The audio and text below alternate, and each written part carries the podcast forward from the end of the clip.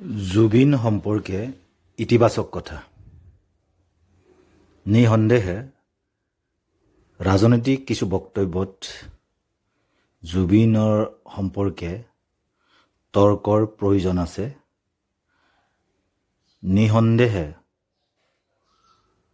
কিছু বক্তব্যৰ বা বিভিন্ন সময়ত তেওঁ কোৱা কথাবোৰৰ বিচাৰ বিশ্লেষণৰ জৰিয়তে তেওঁক ৰাজনৈতিক স্থিতিৰ ক্ষেত্ৰত কিছু ব্যাখ্যাৰ প্ৰয়োজন আছে। তেওঁৰ সেই বিষয়টোক দোষ দুৰ্বলতা সম্পৰ্কে ভঁহিয়াই আমি পিছলৈ বিচাৰ কৰি চাম। আজি জুবিন গাৰ্গে অসমৰ ক্ষেত্ৰত কিছু চাৰিটা বিষয়ত গুৰুত্বপূৰ্ণ বুলি মই ভাবোঁ যিখিনি জুবিনৰ এটা ডাঙৰ অৱদান। এক যি সময়ত অসমৰ চৌপাশে লাখ লাখ তৰুণ চামৰ মাজত হিন্দী গানে গ্ৰাস কৰি অসমীয়া গানক অসমীয়া শ্ৰোতাৰ মাজৰ পৰাই বাহিৰ কৰি দিয়াৰ দৰে হৈছিল সেই সময়তেই অলপ অগা পিছাকৈ জিতুল জুবিনৰ আৱিৰ্ভাৱ হৈছিল। অসমীয়া গানৰ জনপ্ৰিয়তাৰ ধাৰাটো আৰম্ভণিতে জিতুলৰ জৰিয়তে আহি এই জনপ্ৰিয়তা জুবিনে অসমত পাৰ ভাঙি মানুহৰ মাজত বোৱাই আনিলে আৰু ধাৰাবাহিক সফলতা লাভ কৰিলে। আৰু জুবিনে পূৰ্বৰ হিন্দী গানৰ প্ৰবল আগ্ৰাসনৰ পৰা অসমৰ সকলো ধৰণৰ শ্ৰোতাক মুক্ত কৰি আনি অসমীয়া গান শুনাৰ আগ্ৰহ উভতাই আনি দশক দশক জুৰি লাখ লাখ শ্ৰোতাক জুবিনে মন্ত্ৰমুগ্ধ কৰি ৰাখিলে। যাৰ ফলত নতুন প্ৰজন্মৰ মাজত অসমীয়া ভাষিক চেতনা জীয়াই ৰখাত জুবিনৰ অসমীয়া গানে সুদূৰ প্ৰসাৰী কাম কৰি আহিছে।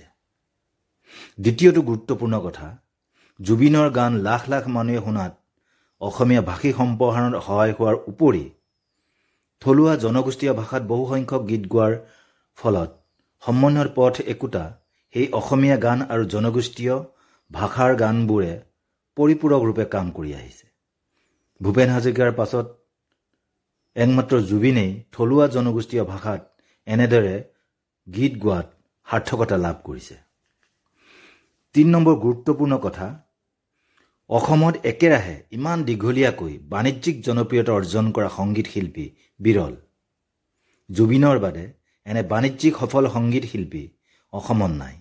যাৰ জৰিয়তে শ শ ব্যক্তিয়ে তেওঁৰ লগত যুক্ত হৈ আৰ্থিক ৰোজগাৰ মোকলাই পৰিয়াল চলাই জীয়াই আছে। আমি জনাত জুবিনৰ সৈতে জড়িত সেইসকল সৰু বৰ ব্যক্তি আৰ্থিক সহায় বা পাৰিশ্ৰমিক পোৱাত প্ৰতাৰিত হোৱাৰ খবৰ নাপাওঁ যিটো সাধাৰণতে আন ব্যক্তিৰ ক্ষেত্ৰত শুনা যায়। চাৰি নম্বৰ গুৰুত্বপূৰ্ণ কথাটো হ'ল জুবিনক অনুসৰণ কৰি তেওঁৰ দৰে গাবলৈ চেষ্টা কৰা। তেওঁৰ দৰে গাবলৈ চেষ্টা কৰা তেওঁৰ দৰে গাবলৈ চেষ্টা কৰা মঞ্চত তেওঁৰ দৰেই অংগী ভংগী কৰি গোৱা গানৰ সুৰবোৰ তেওঁৰ গীতৰ ধ্বনি প্ৰতিধ্বনি গাঁঠি গাঁৱে ভূঞে এচাম গাই ওলাল। যিসকলে সৰু সৰু মঞ্চত গান গাই নিজৰ আৰ্থিক জীৱিকা উলিয়াই ল'বলৈ সক্ষম হৈছে।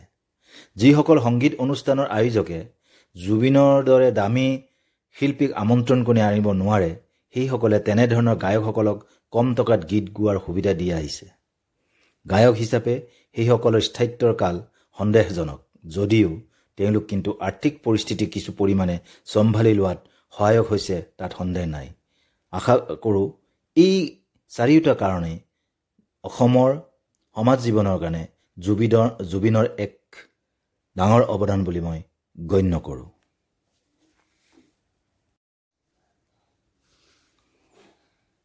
জুবিন সম্পৰ্কে ইতিবাচক কথা। নিঃসন্দেহে ৰাজনৈতিক কিছু বক্তব্যত জুবিনৰ সম্পৰ্কে তৰ্কৰ প্ৰয়োজন আছে। নিঃসন্দেহে কিছু বক্তব্যৰ বা বিভিন্ন সময়ত তেওঁ কোৱা কথাবোৰৰ বিচাৰ বিশ্লেষণৰ জৰিয়তে তেওঁক ৰাজনৈতিক স্থিতিৰ ক্ষেত্ৰত কিছু ব্যাখ্যাৰ প্ৰয়োজন আছে।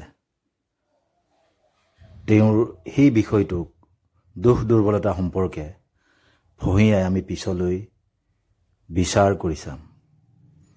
আজি জুবিন গাৰ্গে অসমৰ ক্ষেত্ৰত কিছু চাৰিটা বিষয়ত গুৰুত্বপূৰ্ণ বুলি মই ভাবোঁ যিখিনি জুবিনৰ এটা ডাঙৰ অৱদান।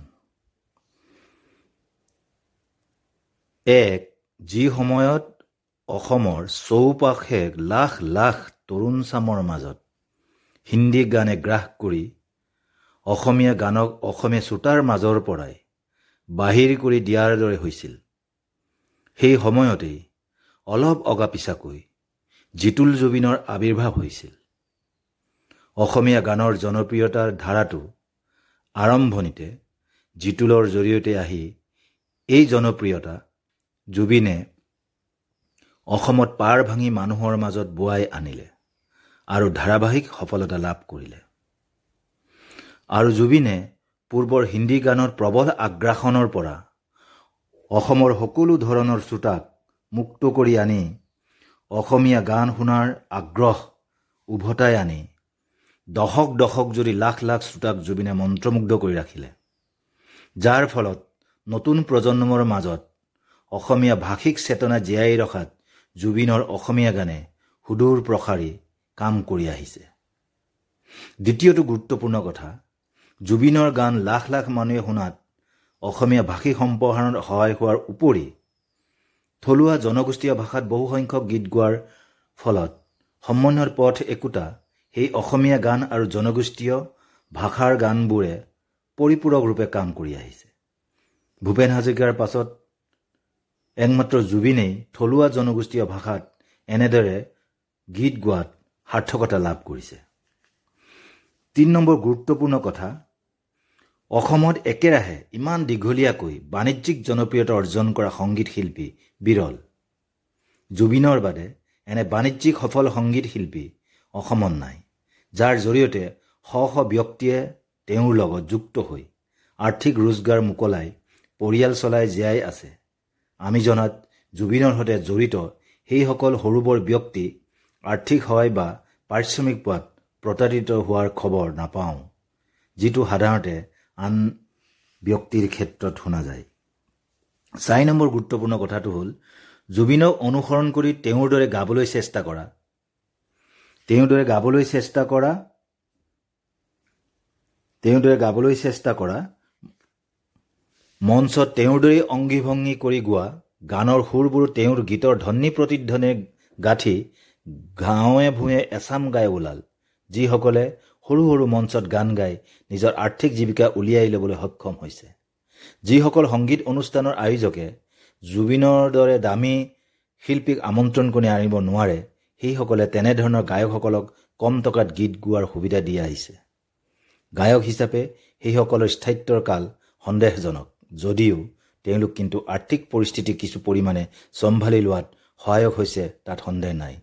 আশা কৰোঁ এই চাৰিওটা কাৰণেই অসমৰ সমাজ জীৱনৰ কাৰণে জুবিনৰ জুবিনৰ এক ডাঙৰ অৱদান বুলি মই গণ্য কৰোঁ।